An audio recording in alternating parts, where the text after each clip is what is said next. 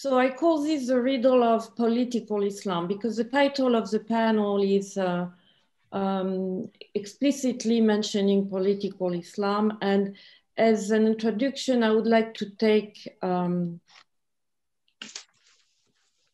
yeah, I would like to take a broader approach to political Islam because usually we see it as uh, the expression of uh, Islamically based political party threatening or challenging or opposing the secular state. And here, um, the work I have done in the last few years uh, has been an attempt to broaden up the uh, conception of political Islam beyond the Islamically based party. And, and I think it's particularly relevant to Turkey. And uh, I have looked into the public culture created by the building of the nation state across the post-colonial, post-caliphate Muslim countries. And it's an important thing. So political Islam be, before being Islamically based party is and remain the public culture um, on which the nation and national communities were built. So that's what I call the conjunction between Islamic belonging and national belonging that has happened in majority, in the majority of Muslim countries, including the secular Kemalist republic. So this is the foundational um, stone, so to speak, on which we can then explain the evolution of the AKP. So what does it mean? It means that belonging to Islam, more than the religious behaving, was key to the fashioning of the Turkish collective identity. What happened in modern Turkey? First, the state created the nation, not the opposite. It was a very authoritarian a proactive uh, political initiative to create on a portion of the former uh, caliphate, um, uh, to create on the portion of a territory a new nation where people will, will speak Turkish, will, will act as sovereign people, but also Islam was part of the definition of the national Turkish belonging. What it meant concretely that the dominant Sunni school was absorbed into the system state apparatus and the imams were put on the payroll and at the same time laiklik laicity was promoted. So it means that there was an attempt to define turkey as muslim and at the same time and that's a particularity which is fascinating about turkey to push islam as a sign of practice out of the public space and um, it means that the sense and meanings of Turkishness introduced by Kemalism meant that to be Turk, you had to be Muslim, but it didn't imply that you would be a practicing, observant Muslim or that you would push a moral agenda in the public space. But there was this kind of identity-based claim to ethnicity that will explain also why, despite being laïc, uh, Turkish national identity doesn't make room for others of different uh, religious uh, trends like uh, Alevi or other kind of Shia or even other ethnic group like the Kurds. This is because to be Turkish was to be Sunni and to be from this particular ethnic stock on which the new nation was built. So at the same time laiklik aim to remove religious ideology from the public space while preserving the collective identity of Turks to Islam. So what I show in my work is that that's why the Islamic parties are claiming an Islamic state because they are the heir or the children, so to speak, of this first generation. For them, being Muslim and being a citizen and being member of the nation are all synonymous it's never questioned, never um, uh, put into a kind of discussion, except by uh, the radical Islamics like ISIS, but everywhere in the Muslim majority country, everybody agreed that, you know, there is a state, you are Muslim and you're citizen.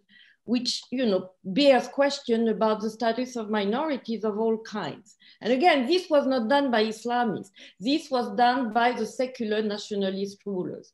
So what I show here in, in my work is that not only for Turkey, but everywhere, the access to power of the AKP, like it happened also in other Muslim countries where Islamic parties go to power, this access to power did not displace the foundational conflation between Sunni Islam, laiklik, and the nation. What it did is to add another dimension by emphasizing social conservatism that was associated with dress code and attempts to moralize the public space. And that's where the, the tension happened between the secularist or Kemalist establishment and the Islamist. It was not on the belonging. it, it is and it, it was especially in the 90s, early 2000s, about expressing um, and being proactive, not only on your nominal identity, but your way of behaving as a citizen and a practicing Muslim.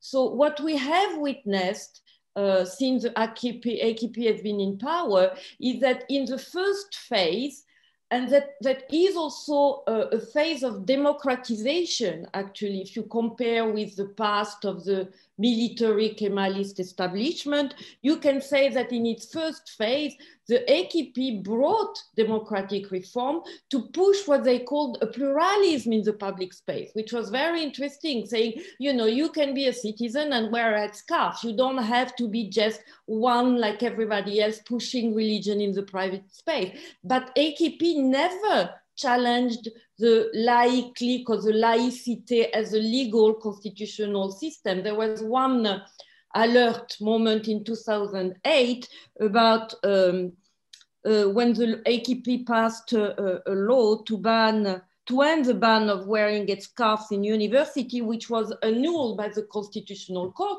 But the AKP didn't challenge this more than that. The AKP did also lots more effort to open, at least to pay lip service to the diversity, towards the uh, the curve. There was this, you know, grace period where there was an attempt of dialogue, which was not even possible really before. There was also a lip service paid to the Alevi. This, and, and there was an attempt also to go beyond the Islamist appellation, the, the, the or, or terminology. Um, the AKP provided or defined itself as a conservative Democrats and they what is interesting when you live in the US, they they compare themselves to the American uh, conservative in in the democratic spaces of the US. So this is an interesting take that was not at the time seen as contradictory with, with democracy. And actually, it's also the time where there was a time to discuss the inclusion of Turkey into the EU. And, and the, the AKP made more concession to the EU demands about some repertoire of human rights than the Kemalists did before.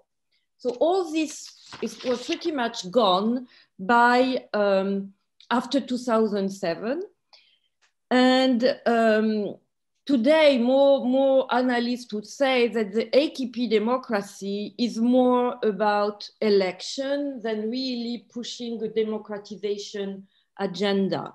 And I would say it's even not even more about elect election, and I would say this um, uh, later in, in more detail. So what we see emerging, the divide internally is not anymore between Muslims seen or Islamist approach seen as more inclusive to the peoples and the secularist establishment, the divide now is being Turk versus Western. And this is worrisome because this divide is not only external, it is also internal. And we see emerging a form of populism that um, is different from the uh, Kemalist one, some called it Erdoganism, where the charismatic leadership, the tendency to, toward authoritarianism, but also the exclusionary conception of the people now involve people from within that are seen associated with the West. And this is, I think, a huge, huge challenge to the democratization that uh, was going on and actually it has completely stopped the process of democratization. So also it's clear to say that no democracy is perfect. If we look today at the process of democratization across the world, the scholars are very cautious to say that we are in a world where you can say this is a democracy and this is not a democracy anymore. Because if you see the evolution after the, the um, collapse of communism, most of the countries that were supposedly entering the democratization phase cannot be considered today as full-fledged democracy. That's why we use the term hybrid in the sense that you have to look at several aspects of democracy to, to make sure you evaluate properly the, the reality of, of what is missing or lacking in the political uh, situation. So if we look today at the position of the AKP, both I would say mostly vis-a-vis state institution and policy, because after all, they are in charge. There are worrisome signs. Of course, there are still free and fair election, although I would argue that in the last uh, uh, municipal elections, the AKP didn't act uh, as, uh, I would say, uh, a fair or, or neutral uh, actors act, uh, asking for the redo of the election in Istanbul because they were not pleased by the result and the election of the mayor who, who, had a, a, a, Christian background. So there was this kind of, you, you see this kind of alarming signs. The separation of powers is also now problematic. Uh, not so much, although we can argue there have been um, there is a tendency toward presidentialization, meaning the, the, the huge role of the president uh, over all other sorts of power, and even more problematic, the fact that the rule of law uh, is now uh, very much um, in decline uh, while it was for a long time the Supreme Court in, in, or the equivalent of the Supreme Court played a role in trying to maintain the respect of the rule of law, not anymore since 2007, since 2008. And, and you see a, a, a huge uh, indulgence, so to speak, of the court vis-a-vis -vis the decisions and the policies of Erdogan.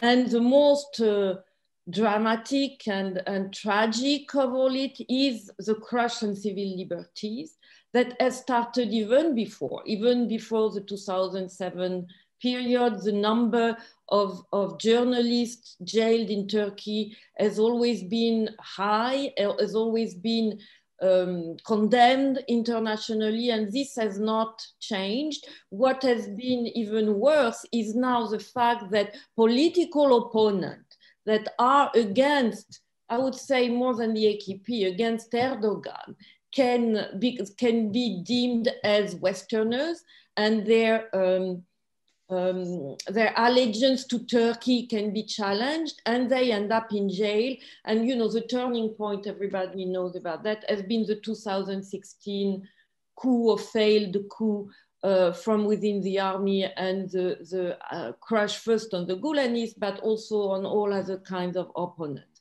So I would say that um, what started as a promising process of democratization has come to a grinding halt and um, and what is also intriguing is when we look when we looked at surveys, the people who are supporting Erdogan are also very much supporting the vision that he is representing the whole people of Turkey. So he's still carrying from within, despite the fact that he is in charge politically, he's still seeing as a unifying figure where everybody feels happy with with his position on Turkey, not only internally, but also regionally.